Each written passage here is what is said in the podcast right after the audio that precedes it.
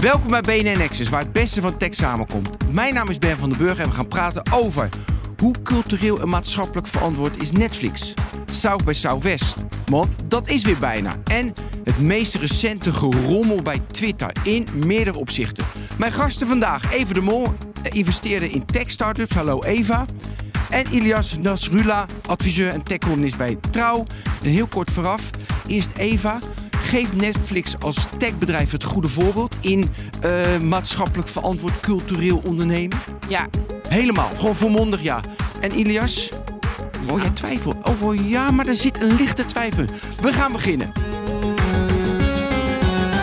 bij ons natuurlijk ook altijd aangeschoven Joe van Buurik. Niet altijd. Je wisselt, Joe. Hey Ben, ja, leuk om er weer te zijn. De BNS tech-redacteur, game-expert en vandaag mijn co-host. Ja, ik doe mijn best. Oké, elke donderdagavond kan je natuurlijk een nieuwe aflevering van deze podcast terugluisteren. Abonneer je op de BNN Nexus, op, je, op deze podcast, op je favoriete platform. En vergeet niet hem te beoordelen, want dat scheelt altijd in het aantal luisteraars en delen met je netwerk. Heel belangrijk. Heel belangrijk allemaal. Weet je wat ook belangrijk is, Ben? Nou. De hostred. Nou. Zal ik die een keertje doen? Kom maar op. Oké. Anders kijken naar talent is dé manier om meer potentieel op de arbeidsmarkt te brengen. 500 statushouders aannemen voor een IT-functie in twee jaar tijd. Die ambitie deelt Microsoft met ruim 25 grote bedrijven. Als aanjager willen ze niet alleen iets doen aan het grote tekort aan IT-professionals, maar ook impact maken op de levens van vluchtelingen met een verblijfsstatus. Daarbij komt het nieuwe talent helpt bedrijven om uitdagingen van andere kanten te bekijken vanuit verschillende culturele perspectieven. Van bank banken tot ziekenhuizen en retailers. Allerlei organisaties hebben baat bij nieuw talent met een frisse blik. Wil je meer weten over hoe skills en diversiteit de sleutel zijn tot meer economische inclusiviteit? Ga naar aka.ms/diversiteit. We gaan het hebben over Netflix. Nou, Joe, jij was, jij was maandag op bezoek. Ja? De grote mannen die kwamen naar Amsterdam. Ja, nou, nu geef je het gelijk een beetje weg. Want als Hoezo? nou, elke keer als ik tegen mensen wil zeggen: ik ga naar Netflix, denk ze: God, die gaat de wereldreis maken. Maar ik stap oh, gewoon op de fiets en ik ging 15 minuten van BNR naar hun nieuwe pand. Of ja, ze hebben het al twee jaar in Amsterdam, aan de Karperstraat. Maar dat is het hoofdkwartier voor EMEA. Dus eigenlijk dit hele verticale deel van de wereld met Afrika en uh, het Midden-Oosten erbij. En Europa dus. Uh, geen brievenbus BV, want er zitten daar honderden medewerkers. Al meldde onderzoeksjournalist Stefan Vermeulen wel dat Netflix mede omdat ze een kantoor in Nederland hebben, maar 1,1% belasting hoeft te betalen over de hele omzet. Maar ja, dat is dan weer het Nederlandse stelsel voor internationale bedrijven. Maar inderdaad, de topmannen waren daar. De net afgezwaaide CEO uh, Reed Hastings, uh, de huidige co-CEO uh, Craig Peters, om ons allemaal toe te spreken als journalisten. En ook, ja, het was een heel gemêleerd gezelschap trouwens. Er waren makers, er waren aandeelhouders, van alles en nog wat. wel interessant, om te zien, ook lobbyisten volgens mij. Um, maar wat, ik, wat ik wel interessant vind, is ze benadrukken heel erg, en, en die credit moeten we ze misschien ook wel geven, mm -hmm. dat zij uh, het belang van Hollywood veel kleiner hebben gemaakt. Dat waar makers, zeker in de uh, 20e eeuw naar Hollywood toe moest, uh, moesten, tegenwoordig Hollywood naar de makers toe moet. Omdat Netflix met 231 miljoen abonnees zoveel macht heeft. Um, en, en dat dat dus uh, dat het daarmee een soort van eerlijker is of zo. Ja. En dan heb ik ja, ik hoor dat. En ik, nou, oké, okay, mooi, maar goed, laten we wel zijn. Nog steeds een groot techbedrijf, grote omzet. Dus we hadden een gecentraliseerd videolandschap. Dat was geconcentreerd mediaproductie. De mediaproductie, ja. dat is Hollywood. En wat dankzij Netflix zeggen ze, en dan wil ik weten waarom is dat belangrijk. Maar zij hebben gezegd, nee, dat hebben we gedecentraliseerd. Of het nou Korea is, of Spanje, of Nederland, of Denemarken. Noem maar, dat is, hebben, dankzij Netflix hebben we dat gedecentraliseerd. Maar nu ligt de macht toch gewoon bij Netflix en de streamers? Uh, ja, maar... Gecentraliseerd weer bij Netflix. Tegelijkertijd kun je zeggen, er is best wel marktwerking op het gebied van streaming. Want we hebben het steeds over hoe Disney Plus en Amazon Prime Video en HBO Max, weet je wel, het is, het is een streameroorlog. Dus het is ook niet alsof Netflix alleen heerschappij heeft. Ze zijn de grootste samen met Disney. Ja, maar, maar ik wil eerst even over, die, over dat. Uh, waarom vinden ze dat belangrijk? Dat dat decentraal is? Nou, uh, deze, je bedoelt uh, ja, dat, dat, dat, dat. Maar waarom willen ze dat bericht? Waarom willen ze dat bericht? Waarom komen ze hiermee naar buiten? Waarom willen nou ja, ze dat benadrukken? Het punt is, maar ik, weet, ik vind het heel moeilijk om te beoordelen of ik hier naïef in ben. Dus ik ben heel erg benieuwd naar wat, wat jullie allemaal van vinden. Um, Want het is heel makkelijk om te zeggen: oh, zoveelste bedrijf X die culturele diversiteit wil prediken, want het is belangrijk. En dus is het ook een onderdeel van de marketing, zou ik maar nou, zeggen. dat geloof ik niet bij Netflix. Nee, maar dat is mijn punt. Dat Netflix heeft er een belang bij om publieken over de hele wereld aan te spreken. Door makers van over de hele wereld hun verhalen te laten vertellen in series en films. Ja. Omdat films en series zijn cultuur. Ja. Het gaat om representatie van makers uit verschillende culturen. Of zeg ik dan iets Ilia- geks? Ilias, wat vind jij van dit betoog van Joe van Buurik? Nou ja, maar Nou, ik- het nee, is een vraag. nee, het is een vraag. Het is een open vraag. Ja, nu word je... Nee, ja, ik ben dus al eh, de hele tijd aan het twijfelen sinds het onderwerp begint eigenlijk. Omdat eh, ten eerste, ik ben niet helemaal ingelezen op Netflix. Dus laten we even dat voorop stellen. En misschien ga ik hele domme dingen zeggen. Maar eh, wat ik wel weet is dat bijvoorbeeld in Frankrijk is er een wet wat, eh, hè, wat, wat bedrijven als Netflix verplicht om een deel van hun eh, winsten terug Dat is ook te in Nederland zo. en ja. dat is ook in Nederland, hè? Maar, maar ja, ik vraag me af waarom is zo'n wet überhaupt nodig? Waarschijnlijk omdat dat niet vanzelf gaat bij Netflix, dat die investeringen komen in eh, Nederlandse producties. Sterker nog, als ik even nadenk van welke Nederlandse producties zijn er eigenlijk op Netflix. Undercover. Dat is by far de Het, bekendste. het, het komt niet zo Schijnbaar doen ze snel het heel op. goed. De Ja, ja, ja, Nederlandse ja. Dus, dus, eh, dus misschien zijn ze er wel, maar ze zijn mij niet bekend. En als ik het eventjes verder doortrek, dan denk ik van, nou ja, weet je, wat, wat zie ik veel? Ik zie veel series op Netflix uit landen waar, ehm, die al, waar al een grote industrie is. Bijvoorbeeld uit Korea, uit Japan en dat soort zaken. Maar als ik kijk naar Afrika of zo, ik, ik Ja. ken geen Nou Afrikaanse ja, ze, series. ze- ze zijn er wel. Dus er was een panel met makers, waaronder een, eh, producent uit, eh, uit, uit een Afrikaans land. Eh, Korea, dat, dat zeg je wel. En ik weet dat Korea een enorme media-industrie heeft. Maar Squid Game heeft ook bij de massa over de hele wereld, en juist in het Westen, laten zien: kijk eens wat een kwaliteit er uit Korea komt. Dus ook al weten de insiders, ja, maar dat is al een hele grote economie daar. Het, het, het verbreedt wel nog verder de boodschap naar daadwerkelijk de hele wereld, Ja. zou ik zeggen. Ik wil even vragen aan Eva. Eva, is het niet gewoon zo, een stelling, ik weet niet of het waar is... De schrijvers, Hollywood werd te duur, de schrijvers waren op. Weet je, dat zie je altijd. De eerste, het tweede, het eerste en het tweede deel is goed. De derde en de vierde, dan hebben ze geen creativiteit meer. Dan moeten ze een nieuwe serie maken omdat dat op is. Ehm, is het niet gewoon zo, hey, we gaan decentraal, ook in Korea... we- dan proberen we internationaal uit te rollen... want dan hebben we gewoon een nieuw potentieel aan makers. Dus een nieuw Tuurlijk, dan is je markt Ja, veel ja. groter. Ja, ik denk wat wel belangrijk is om hier te eh, vermelden dat Netflix ook al echt heel lang bekend staat om zijn cultural playbook. Als je het hebt Ja, over oh, leuk dat je dat noemt. het Ja. hè, interne. Wil je dat een cultuur. beetje uitleggen uit 2007? En dat is geloof ik wel 15 miljoen. En wordt nog steeds. Nog Als steeds. met onze portfoliobedrijf, dan is het nog steeds van oh en by the way, kijk even naar dat cultural playbook. Dus zij ja. Maar hebben, vertel even iets meer vertellen? Ja, over. wil iets Ja. meer vertellen. Nou, zij hebben, eh, ja, zij hebben eigenlijk vanaf moment één dus gezegd: cultuur en hoe wij cultuur intern bouwen is ook bepalend voor hoe wij ons bedrijf bouwen, maar ook voor wat voor eh, producenten, voor wat voor series wij gaan maken. En zij eh, hebben echt stap voor stap als een van de eerste grotere bedrijven uitgelegd van hoe doe je dat nou eigenlijk cultuur en ehm, hoe zet je je eigen management op? Maar hoe, eh, hoe zorg je ook dat iem- een, een, een niet-stereotype persoon aannemen is één ding. Maar hoe zorg je er ook voor dat die personen blijven binnen je organisatie? En zij geven daar echt concrete tips. En, en, en wat, wat zijn dan een van de meest concrete speerpunten waar zij zich aan houden en waar anderen zich misschien ook aan zouden moeten houden? Dat, ik denk dat het nu wel veel breder geaccepteerd is. Nu minder nieuw. Dus, ze waren er innovatief mee. Ja, eigenlijk wel. En ik Hm. denk dat dat wel heel belangrijk is. Want eh, uiteindelijk hoe je zelf natuurlijk bent als organisatie... en hoe je zelf bent als leiderschapsteam... bepaalt ook altijd wat voor producten je gaat maken. In, in, en in dit geval wat voor series je gaat produceren. Dus i- i- daarom zei ik ook volmondig toch ja... dat ik wel denk dat de intentie daar zeker is... Ja. om ook die diverse content eh, te maken. Dat, Ja. Mag ik even over dat playbook? Want dat spreekt. Tuurlijk. Ik wil me wat dingen aanvullen. Eh, wat ik me van herinner, want ik heb het natuurlijk ook lang geleden gelezen, is bijvoorbeeld dat de makers altijd voorgaan en dat je de creativiteit staat voor alles. Nou, en, de- en dat werd dus eh, heel veel keer werd dat herhaald. Wat wel leuk is, de maakster daarvan, die is uiteindelijk ook ontslagen. Eigenlijk Oh, De Ja. van dat playbook. ja, ja Oh. want ze had gezegd van ja, want creativiteit staat voor alles en we gaan geen compromissen sluiten. En eh, op een gegeven moment wilde zij een compromis sluiten en toen was het ja, nu ben je. on- eh, Dit je staat niet in jouw boek. Ja, dus dat was wel grappig.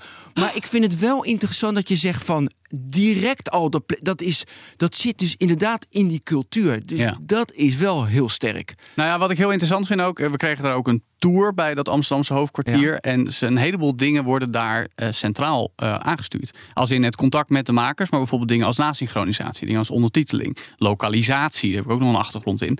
Ehm, zorgen dat dus iets wat komt uit een cultuur gemaakt is tot een serie of film, ook wordt bekeken in een andere cultuur. Dat wij series uit Korea kijken. Ehm, daar moet je best wel bewust mee bezig zijn.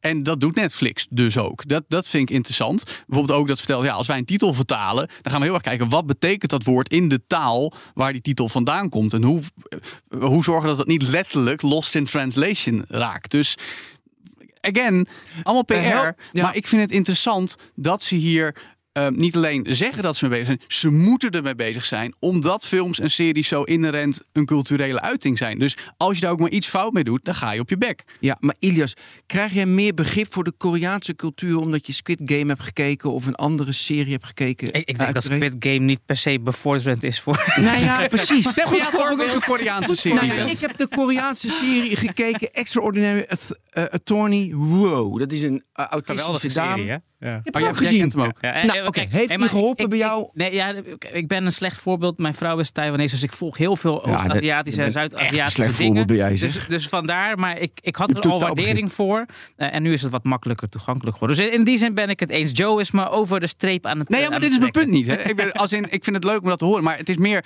ik hoor dat dan. En eh, ja, Netflix is een iets ander techbedrijf dan, dan, de, dan de reuzen of dan weer andere techbedrijven, want cultuur ik- zit in hun, in hun Ja, product. precies met de Culture Book. Dat, is, Maar Eva, dat maakt ze anders. Mag ik er even doorgaan? Eva, is Netflix een techbedrijf? Nou, op, ze gebruiken tech, hun platform. Er zit natuurlijk een heel AI achter wat jij krijgt te zien. Ja. Dus ik zou zeggen, ja, Ja? dat is uiteindelijk Nou, ik zou zeggen een nee. onderdeel is het techbedrijf. En voor mij is het geen techbedrijf, want eh, bij een techbedrijf wat het karakteriseert, een van de karakteriseren, weet je, global, dat hebben ze ook, is ook als je software maakt, dan kan je dat één keer maken en over de hele wereld Ja, kan je dat schaalbaarheid. Ja, schaalbaarheid. Maar de, ja, dus de zero marginal costs, die zijn nul. Ja. Bij Netflix, als ze een nieuwe serie maken, dat kost Totaal ontiegelijk veel geld. En daarom over de hele wereld handig Korea ook in Nederland bekijken. Maar eh, ja, als ze weer een serie maken, hebben ze weer meer kosten. Plus het feit dat Dus Netflix een techbedrijf geworden is door een pivot. Namelijk van videobanden en dvd's de mensen versturen naar... oh, wacht eens even, we gaan dit op een platform zetten... zodat mensen het gewoon kunnen streamen. Ja, Ja. weet, weet je wat ik interessant vind van, eh, van zeg maar eh, die pivot? Eh, dat is dat eh, heel lang was het paradigma in de techwereld van... eh, een be- beetje een parasitair businessmodel. Hè? Dus Airbnb-achtig, we, we bezitten niks, maar we exploiteren het wel. Mhm. En eh, Netflix is eigenlijk van... Nou, Ja. videotheek naar we, we produceren onze eigen series. Gaan. Het is eigenlijk een tegenovergestelde beweging van we hebben ook een eigen product wat we in de markt zetten. Vind ik heel bijzonder. Eva, vind je dat ook Ja, bijzonder? nee, eens. Ik denk dat we ook steeds meer naar een model toe gaan waarbij natuurlijk bijna ieder bedrijf een digitale component heeft. Ja, daarom. Ja, dat sowieso. daarom. Ja. En dat, daar maken ze goed gebruik van. Ja. Ja. Daarom ook Maar, dat- oké, dit vind ik ook interessant. Want er zijn nog steeds bepaalde facetten van een al dan niet techbedrijf. Die dan om de hoek komen kijken. Zoals nu de Netflix-tax, waar in Europa over wordt nagedacht. Namelijk gaan zware belasters van het telecomnetwerk, techbedrijven, maar ook streamingplatforms, extra moeten meebetalen aan investeringen in het telecomnetwerk. Nou, er is een hele discussie over. Er zijn juist mensen in het belang van de netneutraliteit moet je dat helemaal niet willen. Eh, eh, überhaupt het feit dat dat dan wordt doorbelast uiteindelijk aan de consument. Want dan gaan Netflix en co weer hun prijzen verhogen. Allemaal argumenten om dat niet te doen. En ook Netflix had ook bij die presentatie waar ik bij was, een verhaaltje van ja, wij hebben al miljarden geïnvesteerd in het comprimeren van onze datastromen en we zetten het klaar en zodat het op de dalmomenten al wordt ingeladen. Allemaal heel mooi en het zal allemaal vast eh, al inderdaad gebeuren. Maar dan is het opeens weer heel erg een techbedrijf dat de handen wil wassen van kijk eens jongens, we doen dit al goed en, en laat ons niet meer betalen. Ja, ik vind het heel logisch dat Tuurlijk. je daaraan mee zou moeten betalen. Echt wel? Ja. Zo, vertel. Nee, ja, Ja, omdat maar die rekening komt bij ons terecht tegen. Ik denk Alleen maar uiteindelijk, als we het echt over de, hè, de, de, als we echt naar de toekomst kijken, dus hoe gaat technologie ons leven veranderen?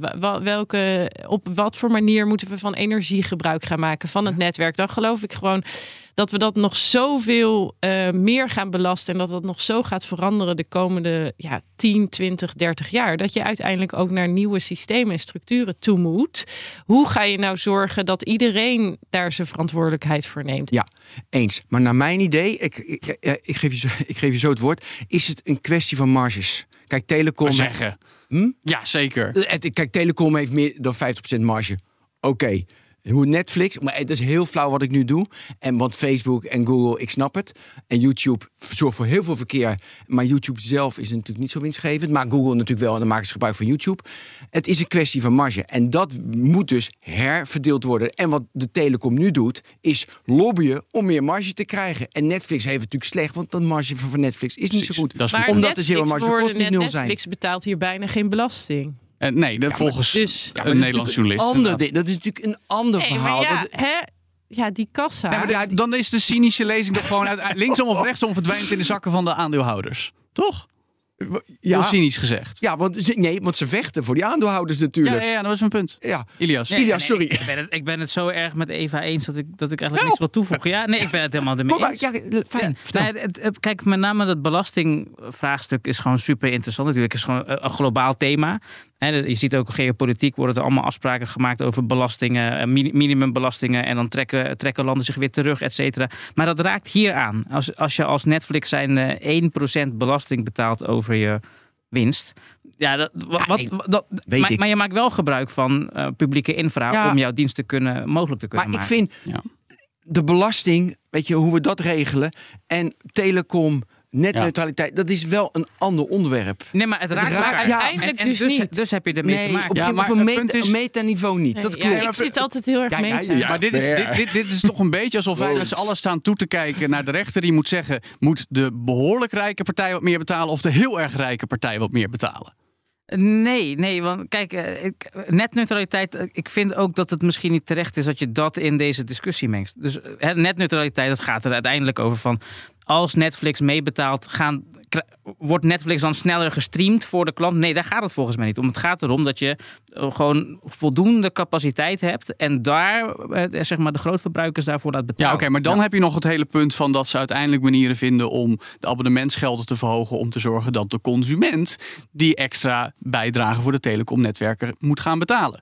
Ja, maar eh, wat ook lastig is. Dat, is natuurlijk altijd lastig met gewoon sowieso hoe ons economisch systeem is gericht. Iedere belasting wordt door, Maar jongens, kijk, normaal gesproken komen we er altijd naar een onderwerp uit. En dan zijn we tot de conclusie gekomen. Nou, ja, dat, ja, we zijn net ook. Nou, nou, oké, oké, oké. Het punt is wel, gaat door. Vond ik mee, want ik denk wel dat Netflix vanwege hun product, namelijk films en series, een cultureel product en hoe ze daarmee bezig zijn, dat ze dat goed doen. Dan geloof ik. Nee, maar nee, nee, nee, nee, nee, nee, maar dat is consensus. Nee, maar dat, is, dat vind ik interessant. Ja. Dat vind ik interessant. Ja. Want in die zin kun je. Kijk, dat er volgens een, een lobby achter zit en dat het om geldstromen gaat. is heel, heel belangrijk. Top, maar Joe. een andere discussie wellicht. Andere discussie. We gaan naar de volgende. Eva, wij gaan zo naar South by ja, Southwest. Ja, we zitten hier op de klok, dames en heren, omdat deze twee een vliegtuig moeten halen. Ja. En wat ik extra mooi vind, Eva, ik wilde even bij zeggen. Jij bent nummer 10 van de 10. De 10 gasten die bij Nexus aanschuiven. Welkom dus nog eventjes, na deze 15 minuten al. Um, en uh, wij hadden contact. En we zaten, ja, even kijken wanneer dan kan. Ja, ik wil die donderdagochtend wel, maar ik moet er nou wel mijn vliegtuig halen naar uh, Austin. En Ben reageerde op, oh, wij zitten in hetzelfde vliegtuig naar South by Southwest. Dus straks gaan we samen naartoe. Um, dus. Nou ja, wat ga je doen? Ja, goede vraag, goede vraag.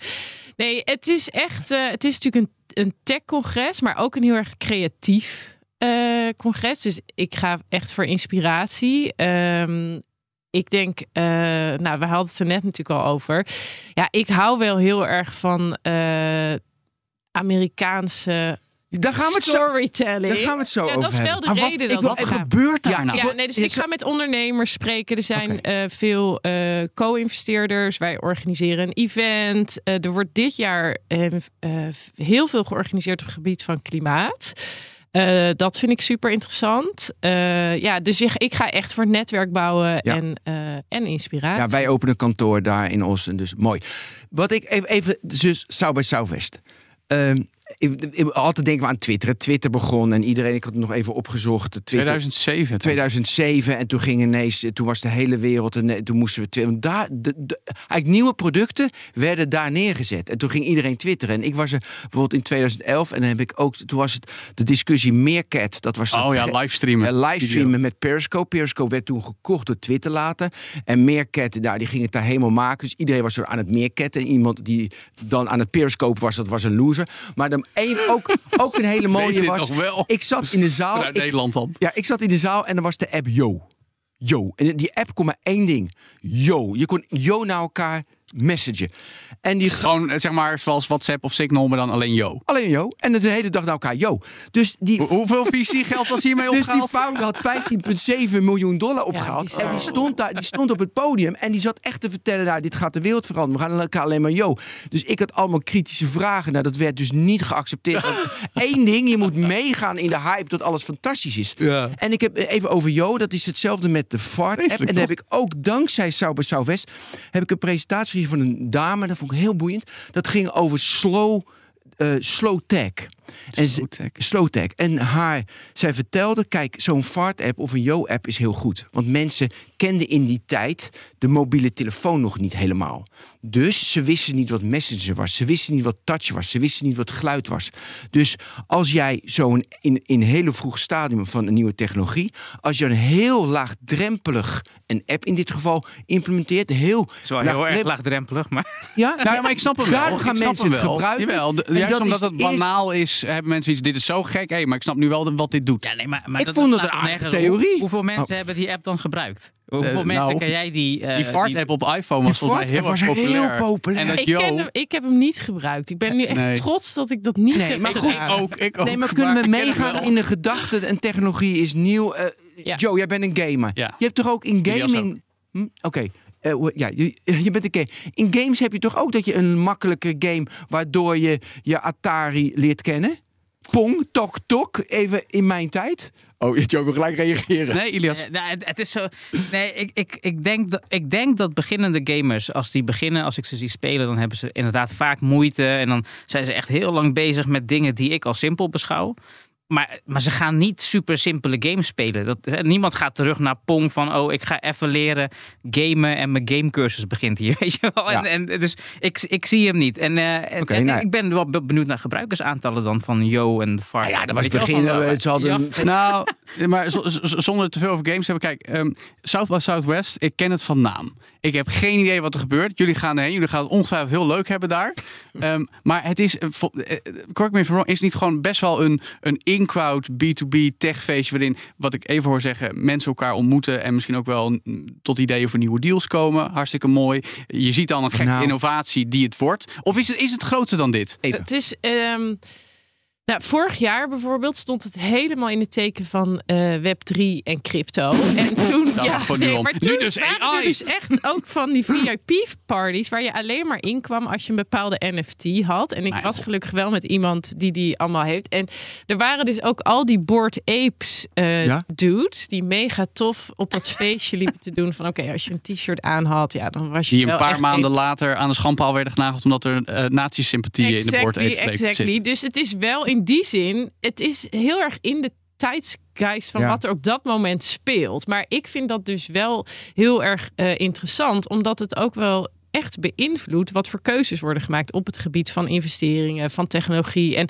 het betekent zeker niet dat ik er altijd achter sta, maar het is wel geeft wel aan waar een massa op dat moment En waar staat. Dus nu de massa, eh, het, het is nu climate, zei je, is Ja, het thema? Dat had ik niet eens tot me genomen. Ja. Ja, maar goed, dat, Het is dat niet, die meet is het natuurlijk al vanaf is, maar ik 1971. heb mijn, ja, nee, true. Maar er zijn nu wel grote, er worden nu natuurlijk wel veel meer investeringen gedaan op het gebied Ja. van klimaat in de VS. En de VS liep eigenlijk wel heel lang achter op Europa.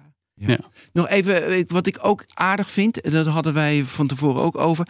Kijk, je hebt in de, in de techwereld zogenaamde zwijnsteinen.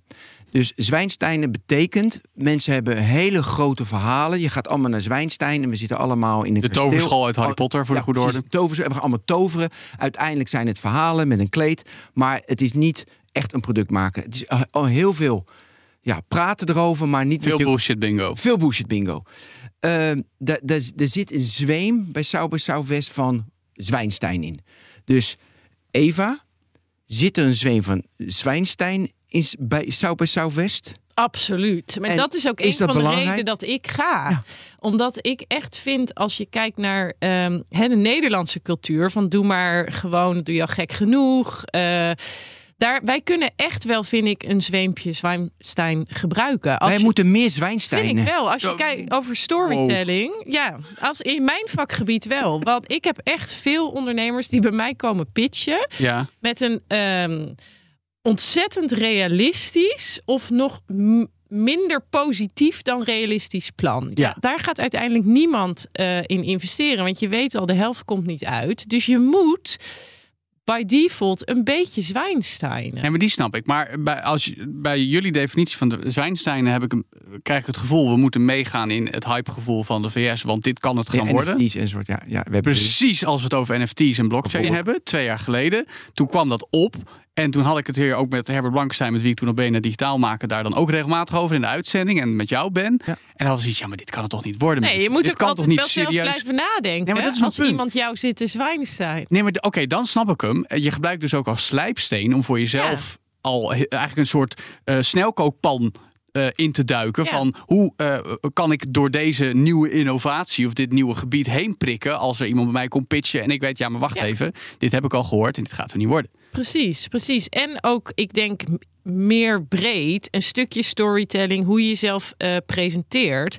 Ja, al- als jij al niet in jezelf gelooft, eh, waarom zou iemand anders dan in jou geloven? Ja. Ilias, moeten we meer Zwijnsteinen?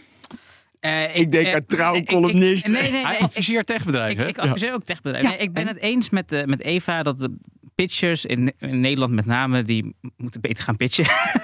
maar, maar als je het eh, vanuit een meer macro-perspectief bekijkt, eh, wat Joe zegt vind ik heel interessant, dat, dat we, we lijken wel in Nederland een Amerikaans techklimaat na te willen streven. Als je kijkt naar organisaties als TechLeap en bijvoorbeeld... eh, nou, weet je, we hebben net Netflix. Daar zit waarschijnlijk ook Prins Constantijn. Die, hè, die zit ook... daar Die interviewde de mannen. Precies, en dat, dat vind ik zo interessant. Dat, dat als je kijkt naar de beweging waar, waar Constantijn en, eh en, en TechLeap en dat soort organisaties voor staan. Ik ben er niet tegen. Ik denk ook dat er een beter start-up klimaat moet zijn in Nederland. Maar het, het neemt wel heel erg veel Amerikaanse ideeën en elementen over. En, en, en Maar zijn daar ook wel heel goed in.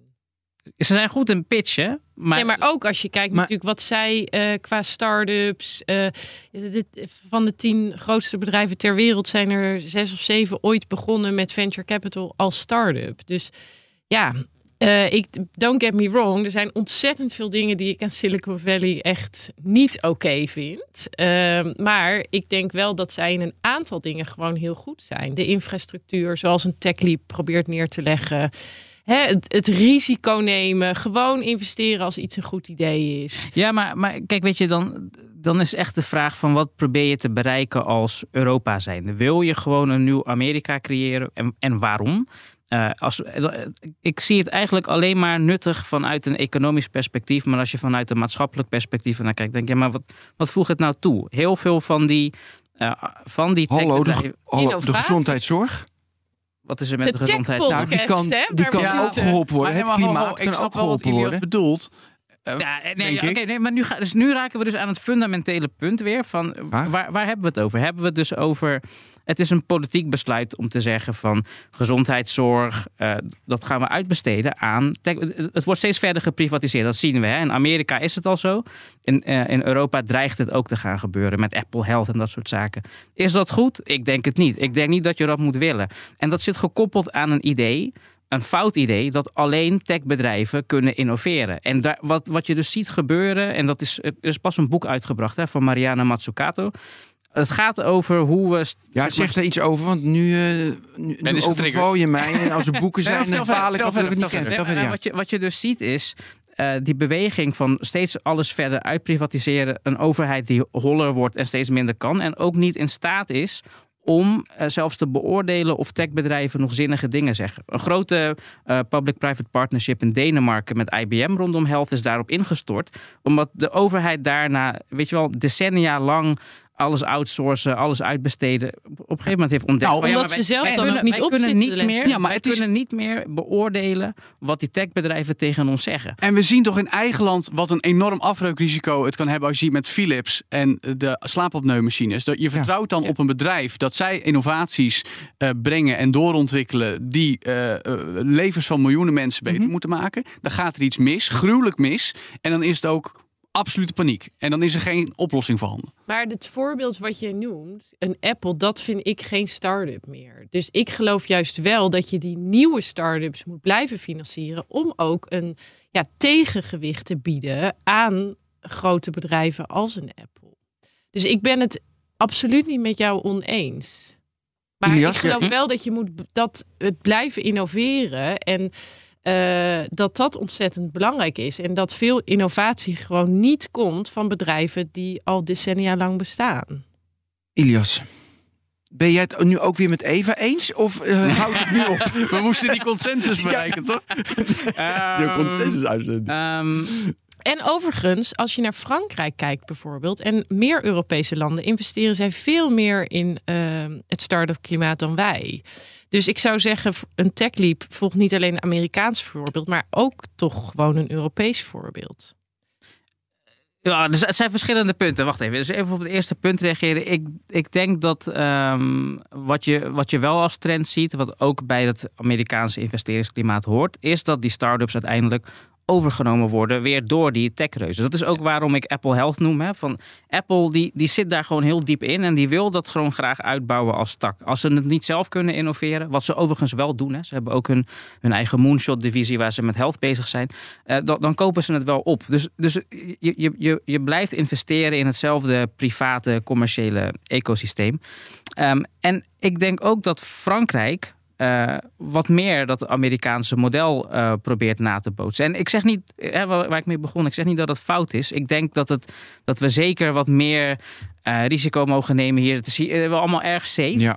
Eh, maar ik ben bang voor een, een soort totale, to- to- to- totale overgave van alles aan de markt weer. En, en, en ja, daar geloof ik gewoon niet in. Nou, hier komen we ook niet uit. Ik heb nog één vraag. Nog één vraag. Hebben we een Nederlandse South by Southwest? Want jij was... Ja, ja, ja, ja. Ik ben, ik ben in Groningen geweest. Ja, daar was ik niet bij, want ik was op vakantie. Ik ben in maar volgend Groningen jaar ga ik wel. NXT, hè? Ja, ja, en dat willen ze. Dus willen letterlijk South by Southwest in Groningen. Oké, ik ben En benieuwd. er gaat niets boven Groningen.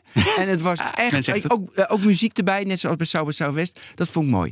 Dus, eh, Maar ja. dan is het, dat, dat onderstreept het dan... dus- North by Northeast. Of... Ja, ja. nou ja, dat volgens mij werd dat letterlijk gezegd door Ben. Met, met Constantijn trouwens, die zat in Ja, die Constance zat er ook bij. Was leuk. Maar oké, Ja. goed. Dus, dus, maar eh, jij bent bij South by Southwest, was jij ook Eva. En eh, jij bent ook bij NXT geweest. Is, het, is het inderdaad diezelfde... Ja, krijgen we... Ook begin. Nee, maar je moet positief maar blijven. is het ook internationaal? Internationaal, uit Duitsland, uit Denemarken, maar ook uit Amerika. Hey, maar wat, kijk, die sprekers ook bij South Southwest, die zijn best goed af en Het toe. zijn Hè? echt bizar. Bizar. Nou, ik Ja. ben Ik heel erg benieuwd naar jullie voorbeelden verhalen. geven. Nou, Oké, ik, ik wil afsluiten met één presentatie van General heb Motors. Oh. mijn agenda. Ja, General Motors zei in 2017 autonoom rijden zonder stuur. Dat is de realiteit in 2019. En, Mooi?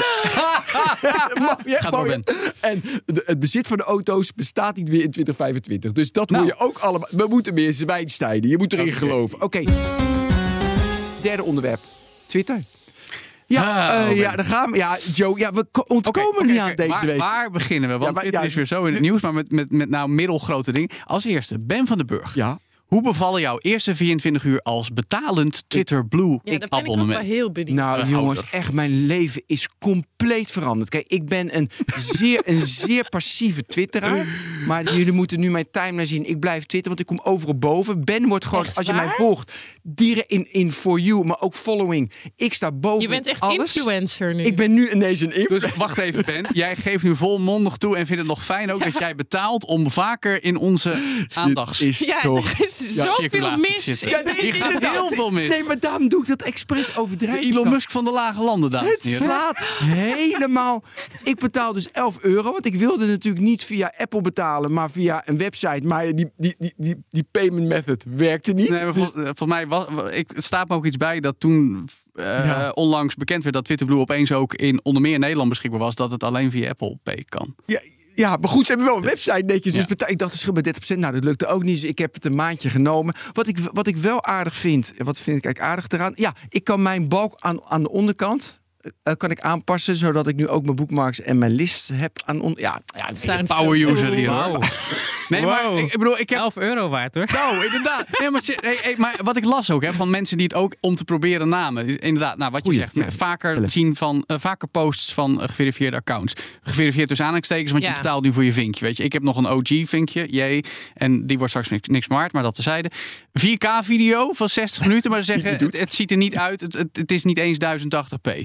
Ik kan wel iemand een hele film zien uploaden. Gewoon echt. eh, Oké, en werd die wel door het algemeen Ja, precies, deed hij? Want dat was een paar Nee, maanden nee, geleden hij- het probleem. Hij, dat hij stond gewoon online een hele tijd. Ja, pas nadat heel veel mensen erover Nou, we, begonnen we hebben Netflix niet meer nodig, dus gewoon Twitter. Is goedkoper ook nog. Eh, langere tweets, nou dat is vreselijk, want dan, moet je, dan is het ook nog, dan moet je druk op meer weergeven. Dan is er weer een extra handeling om überhaupt die tweet te zien. Maar ja, met 4000 tekens snap ik dat dan wel, weer. En je kan eh, 30 minuten lang editen, waarvan al jarenlang een discussie gaat, moet ieder- iedereen dat eigenlijk Ja, niet kunnen. plus, ik zou toch een blauw vinkje krijgen. Na 24 Nee, maar dat duurt toch, dus toch Ja. een tijdje? Het is al 24 uur nu. Ja, maar eh, stond dat in de voorwaarden dat je binnen 24 uur zou krijgen? Kom op. je weet niet eens waarvoor je betaald hebt. Je- het sla... Oké, Eva, nu, nu even serieus. Wat moeten wij nu met Twitter? Ja, waarom krijg ik nu deze vraag? Ja, omdat die moeilijk is. Zit jij nog graag op Twitter? Nee, nee, ja. Was dat ook al voordat Elon Musk het overnam? Ja, maar dat komt ook wel eh, omdat ik geloof, er is ook maar een beperkt aantal kanalen waarop je ik in ieder geval actief kan zijn. Ik krijg er niet heel veel energie van. Ik heb heel erg geluk, want mijn businesspartner zit wel veel op Twitter, dus zij stuurt mij altijd alle boeiende dingen door. Dus ik blijf wel up to date. En zij zegt wel, ja, ik snap niet hoe je op de hoogte kan blijven van het internationale nieuws als je niet op Twitter zit. Dus Dus fiets. Ehm, maar ik vind, eh, ik, ik hou het natuurlijk nu, ik hou het natuurlijk wel echt altijd in de gaten. En eh, ja, er speelt nu zo eh, ontzettend veel. Ik vind dit wel heel zorgelijk dat je natuurlijk ja, gewoon betaalt ja. voor je Ah, maar goed, dat- exposure. ze hebben ook toch maar 150.000 abonnees, Joe. Dat weet jij denk ik uit je nou, hoofd. eigenlijk, en da daarom, dat vind ik Zoiets zo interessant. Want ik heb natuurlijk wel 300.000. zit na zitten denken van, 300, moet ik veel actiever worden? Als je gaat kijken hoeveel gebruikers ze hebben en wie dat uiteindelijk zijn. is ook de 250 vraag, miljoen, zegt Elon Musk. Ja, maar en ja, Nou ja, oké. Waarvan 100 miljoen in Europa. Nog even even- ook nog eens laatst uit cijfers. Ja, precies. dat was is meer- er ingediend zijn zitten bij ook de EU. de zoveel trollen en eh. Minder dan accounts. 20% want dat was natuurlijk met die 44 miljard. Was Maar overigens, de Ierse privacy toezichthouder, die even noemen. stelselmatig overbelast is omdat hij voor heel Europa met zo'n klein land privacyzaken in de gaten moet houden, is not amused. Want Twitter was nog verzocht door die Data Protection Commission om eerst nog eventjes te komen praten over hoe Twitter Blue zou worden Ja. uitgerold. Dat is niet gebeurd. Ja. Dus voor hetzelfde geld heb jij nu betaald en gebeurden er van allerlei dingen met jouw account die eigenlijk helemaal niet mogen. Maar ik had met dit had ik wel, waar, bemoe, waar bemoeien ze zich Ja, nee, dat snap ik wel. Maar Toch? Nee, ik vind het echt weer een PR-moment. Nee, nee, nee, ik snap jou hier. Maar ik, ik snap, eh, het is Nee, ook wel je- weer typisch dat Twitter gewoon even iets doet zonder de, de, de, de, Ja, de maar een blauw baat- vinkje mensen laten Ja, betalen. maar, maar dit punt heeft toch. Wat heeft dat te maken met de privacy toezichthouder? Dat snap Ja, ik daarom. niet. Ik snap, Ik snap hem ook niet. Weet je, het punt van die Ierse privacy toezichthouder is Hmm. dat zij eigenlijk heel erg mild zijn. Dat is een van de redenen zeker. waarom veel techbedrijven Ja, ja, zitten ja, nee, natuurlijk eens, ook. eens. En dan het punt waar ze dan op gaan acteren is dit. Ja, dat klinkt, klinkt klein. ook weer eh, zo Nee, voor de show. Het is meer van, hey, jullie doen nu iets waarvan we nog hebben gezegd, check eerst nog even bij ons in voordat je het doet. Wat ik dan interessanter vind, is dat de FTC, de Amerikaanse marktwaakhond, inzage wil in de interne communicatie bij Twitter sinds de Die is overname interessant, ja. Die is interessant. Want wat is daar allemaal gebeurd met de ontslagen, dingen die opeens niet meer werkten? Weet je, we hebben natuurlijk, nu, nu is het weer soort van stabiel Twitter. Maar laten we het nog eens hebben over november, december, januari. Toen onder havenklap weer iets veranderd werd en misging. En er Ik opeens. heb nu heel veel problemen. Echt Ja, de, ja, de ook. laatste, laatste twee weken. Dat Wat met ik, wat? nou, als ik een tweet Mijn timeline stuur, laat dan. niet. eh, mijn timeline laat niet. Als ik een tweet stuur, dan zegt hij dat hij niet verzonden is. Is hij wel verzonden? Stuur ik hem nog een keer. En dan, weet je dan krijg je ineens eh, tien van mijn tweets achter elkaar. Maar jullie rare gebruiken de. Normale Twitter-app. Je kan niks anders meer gebruiken, Ben. Ja, nee, de, de, de API maar is niet eh, beetje soort van. webcam wat Herbert altijd deed. Ik eh. zit op nee. de web. Ja. Ja, Ja, ja, zie ik, je ik de- ja, de Twitter app op Android. Ik vind het toch apart. Maar kan de Federal Trade Commission zich zomaar daarmee bemoeien? Dat, dat die heb ik ook Nou ja, kijk, vraag. Je bent toch gewoon een bedrijf en eh, je, je moet... Ja, maar ze hebben invloed. Twitter, met, met die 245 miljoen En gebruikers. dat verhaal En- speelt natuurlijk uit 2011 toch? Dat ze zich zouden houden aan allerlei regels. Daar hadden ze ook een boete voor gekregen. Dat weet jij daar Mm, thuis ik heb van? dat niet scherp. Ik weet Nee. alleen, kijk, dit gaat dan FTC over de Amerikaanse markt. En die 100 miljoen gebruikers in Europa weten we vanwege de nieuwe Digital Services Act dat al dat soort techplatforms hun gebruikersaantallen moeten aangeven. Ja. Dus er gaat nog wel een hoop meer volgen. Joe, wij, wij volgen dit natuurlijk al heel lang en intensief. En is het nu van, oké, uiteindelijk weet je, gaat het slecht en is dit het, het begin van het einde? Dat denken wij, nou denken wij niet, maar dat zou kunnen. Of Ik hoop het stiekem. is het, of is dit joh even tijdelijk en straks hij maakt dit jaar winst, zegt Elon Musk, dus hartstikke top. Hij, hij had 5 miljard omzet, wordt 3 miljard. Hij zegt dat hij anderhalf miljard kosten heeft en hij moet anderhalf miljard rente eh, betalen dit jaar. Dus is die vlak, denkt hij top. Ik maak geen Ik snap niet hoe, Ben, want de advertentieinkomsten zijn ingestort volgens alle journalistieke. Ja, berichtgeving. er zijn een paar teruggekomen voor stunttarieven, maar dat kan dus niet veel in, geld in het laadje brengen. En ze hebben 300.000 Twitter Blue gebruikers die 8 dollar per maand betalen. Ja. Daar ga je toch niet break-even mee draaien in april? Hey, wat, ja, ja. Nou, hij heeft- ja. Hij ontslaat natuurlijk ook zo bizar veel mensen. Zitten er nu nog 2500 geloof ik of zo? 2000, eh, 2000, dat hoorde ik in de 2000 tech Ja. Maar die jij had gemaakt. Weet je wat het is met Twitter? Eh, financieel eh, heb ik ook eh, allemaal twijfels over hoe lang dat door kan blijven gaan. Maar, en dat is eigenlijk ook wat Eva zei. Er zitten, er zitten, weet je wel, er zitten twee doelgroepen op Twitter die gewoon heel belangrijk zijn voor de wereld. Dat zijn politici en journalisten. Ja. En die blijven daar zitten. Die. Die, die krijg je ook heel moeilijk weg daar. Ehm, en ehm, zolang die daar blijven zitten, eh, zullen zij eh, een, een groot deel van het publieke debat ook gaan domineren. Omdat ze daar samen met elkaar in gesprek zijn en elkaar zien Ja. daar. En, en, en dus dat krijg je niet zomaar weg. En eh, er zal altijd een drive zijn om op de een of andere manier Twitter of iets Twitter-achtigs in Ja. stand te houden. En dat vind ik soms ook wel bizar. Dat je mensen hebt die best wel groot zijn op Twitter. En dan in de real life Dat je eigenlijk dus niet ontmoet zo heel denkt, veel doen. Nee, ja. Of eigenlijk Die niet zijn echt. gewoon heel goed in. Je kan heel goed influencen, Ja, mooi. natuurlijk op social media, zonder dat je echt ja, Ja, iets daar eh, een, Dat is echt eh, een een bij kunst, de ja. bakker mee Klopt. Maar, maar bedoel je het dan over hun inhoud of hun voorkomen? Ja, dat vind ik lastig. Want ik bedoel, ik- als we het over Zwijnsteinen hebben, wat Ja, mensen kunnen heel goed ik zwijnsteinen. Nee, ja, maar dat kan dus beide kanten op gaan. Je kan mensen die, die zich heel stoer voordoen, gewoon op, op de vormgeving, zeg maar, die in het echt een beetje timide zijn. Ja. Als in, daar kun je van alles van vinden. which of is mensen, fine. Which is fine, Ja. zeker. Maar, ehm, of mensen die hele wijsheden uitkramen op social media. En als je ze in het echt spreekt, helemaal niks meer Ja, te melden hebben. bijvoorbeeld als ik kijk Dat naar mijn ik eigen erger. vakgebied. Je echt naar mij. wel- Nee, nee, nee. Ja, dat zag ik ook kennen hoor. elkaar via Twitter. Ik keek je aan, maar ik vind het niet... Jij schrijft ook columns voor een krant. Nee, maar als ik kijk naar mijn eigen vakgebied, je hebt bijvoorbeeld wel een aantal eh, mensen internationaal die zich voordoen alsof ze echt miljarden onder management hebben. Eh, dus daar was ik dan behoorlijk van onder de indruk. En dan ontmoet je ze ergens. Nou, en dan komt eigenlijk eh, boven water dat ze dan een fonds van 1 miljoen of 2 hebben. Terwijl ik denk, nou, hoe jij je voordoet. eh, Is het net of het... eh, in, ja, dus, Ja. dus, dus dat die wel. zwijnsteinen. Ja, Ja. Ik wil als tot slot wil ik heel graag, want we begonnen met cultuur, belangrijk. Weet je dat we een inclusieve, een duurzame, een open cultuur hebben. Netflix. Bij Twitter is Hey, dat beetje open deur dit, hè? wat. Ga verder, Ben. Maar bij Netflix, eh, sorry, bij Twitter is dat niet Nee. het geval. Dat bleek, dat bleek deze week weer met. Echt, jij stuurde die tweet door. Ja, die van uh, Haraldur bizar. Thorleifsen, Wow, die, eh, die, die- IJslandse die IJslandse ondernemer. man. Ja, maar Musk heeft zowaar zijn excuses aangeboden. maar dit maar dat dat zo Ja, misging... wel te Daar laat krijgt hij geen Ja, praise van voor mij hoor. Nee. Excuses. Maar Het, het is wel weer illustratief voor de botte bijl die Musk hanteert. Ja, maar- en maar wat Twitter voor was- domheden er ontstaan. Ja. Twitter was wel altijd een progressief bedrijf. Hè? Ja, Dus. Wat je er ook van vond. Zeker onder Dorsey. Die heeft in die zin het beste met de wereld voor, zou je kunnen zeggen. En met Musk kunnen we aan Ja, oké, ik denk dat Musk ook het beste met de wereld voor heeft. Hij heeft alleen een heel slecht idee van wat goed is voor de wereld. Maar Ja. Heel wijs. Oké, jongens, we gaan afsluiten, want we moeten het vliegtuig halen. Naar Eh, South by Southwest. We moeten naar South by Southwest. Dus eh, we bedanken Eva. We bedanken natuurlijk Joe. En we bedanken natuurlijk Ilias. En eh, dit was Nexus voor deze keer. Ik, heb- nou, tot de volgende Nexus. En je kan natuurlijk altijd overal terugluisteren. Donderdagavond is een nieuwe aflevering. En luister ook BNR Digitaal elke woensdag op de radio. Dat is. Zeker Daar doen. hoor je ons. Heel goed. Tot ziens. Hoi.